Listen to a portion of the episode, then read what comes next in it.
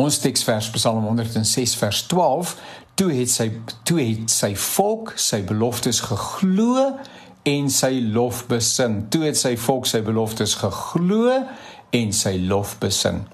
Die versie som die wyse waarop ons met die beloftes van die Here moet omgaan baie mooi op en daar's drie elemente wat na vore kom. In die eerste plek was daar die sensitiwiteit by die volk van die Here om die belofte van God raak te hoor en dit te kan onderskei. Daar's soveel stemme in die atmosfeer. Dis nie net die Here en sy gees wat praat nie, daar's die stem van die heersende kultuur rondom ons en dit kan soms oorverdowend wees. Dis 'n stem wat dring om te kompromiteer en soos die wêreld te word. Daar's ook die stem van jou eie die mekaar gemoed. Sjoe, 'n mens se gedagtes kan daarom rond hardloop, nê? Nee? Dit neem soms baie dissipline om die stem wat van binne kom stil te maak. En dan is daar die stem van die Here. Dink aan Elia en sy bergervaring. En die stem was nie in die stormwind en die gebrul van donder weer nie. Dit was in die stilte dat die Here na Elia gekom het. Daai bekende liedjie sê mos: "Wees stil en weet ek is die Heer."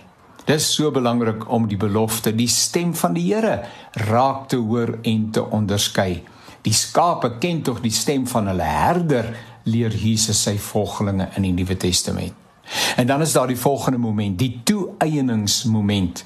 Die Here gee 'n belofte en ek glo dit volledig sonder kwalifikasie en verskoning.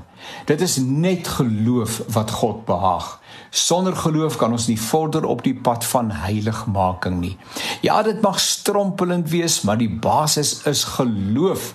Onthou daai paat mos gesê ek glo Here kom my ongeloof tegemoet. Jy vind dit in Markus hoofstuk 9 vers 23. Die derde beweging is die bevestiging van die vertroue wat jy het in die belofte wat God gegee het. Daarom staan daar die belofte, die volk het 'n belofte ontvang en die Here geloof asof dit reeds 'n werklikheid is. Die Bybel definieer geloof as 'n vaste vertroue in 'n saak sonder dat dit reeds 'n werklikheid is, maar jy weet, dit is 'n werklikheid in die geloof. Hebreërs 11 vers 1: Om te glo is om seker te wees van die dinge wat ons hoop, om oortuig te wees van die dinge wat ons nie sien nie. Ek wonder waar jy jouself bevind op die reis waarna die psalmdigter verwys.